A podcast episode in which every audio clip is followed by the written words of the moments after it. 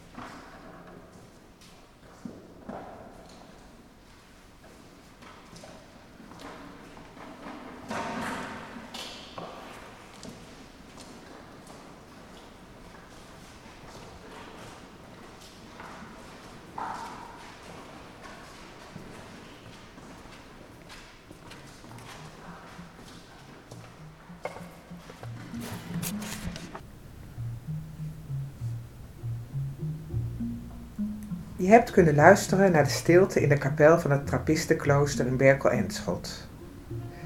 Wil je weten hoe broeder Jacobus de stilte ervaart en wat hij magisch vindt aan de stilte? Luister dan naar het interview met hem. Heb je meer behoefte aan stilte? Er vallen nog veel meer unieke stiltes te beluisteren. Laat me je bijvoorbeeld meenemen naar de stilte van het vliegveld Schiphol of van een trappistenklooster of de stiltecoupé. Daarnaast vind je in deze podcast van Lekker Stil bijzondere verhalen over stiltelaboratoria, zoektochten, het ritme van stilte en de pracht van de ochtendstilte. Verrassend hoe stilte mensen kan verrijken. Je vindt het allemaal in deze podcast-app. Veel plezier!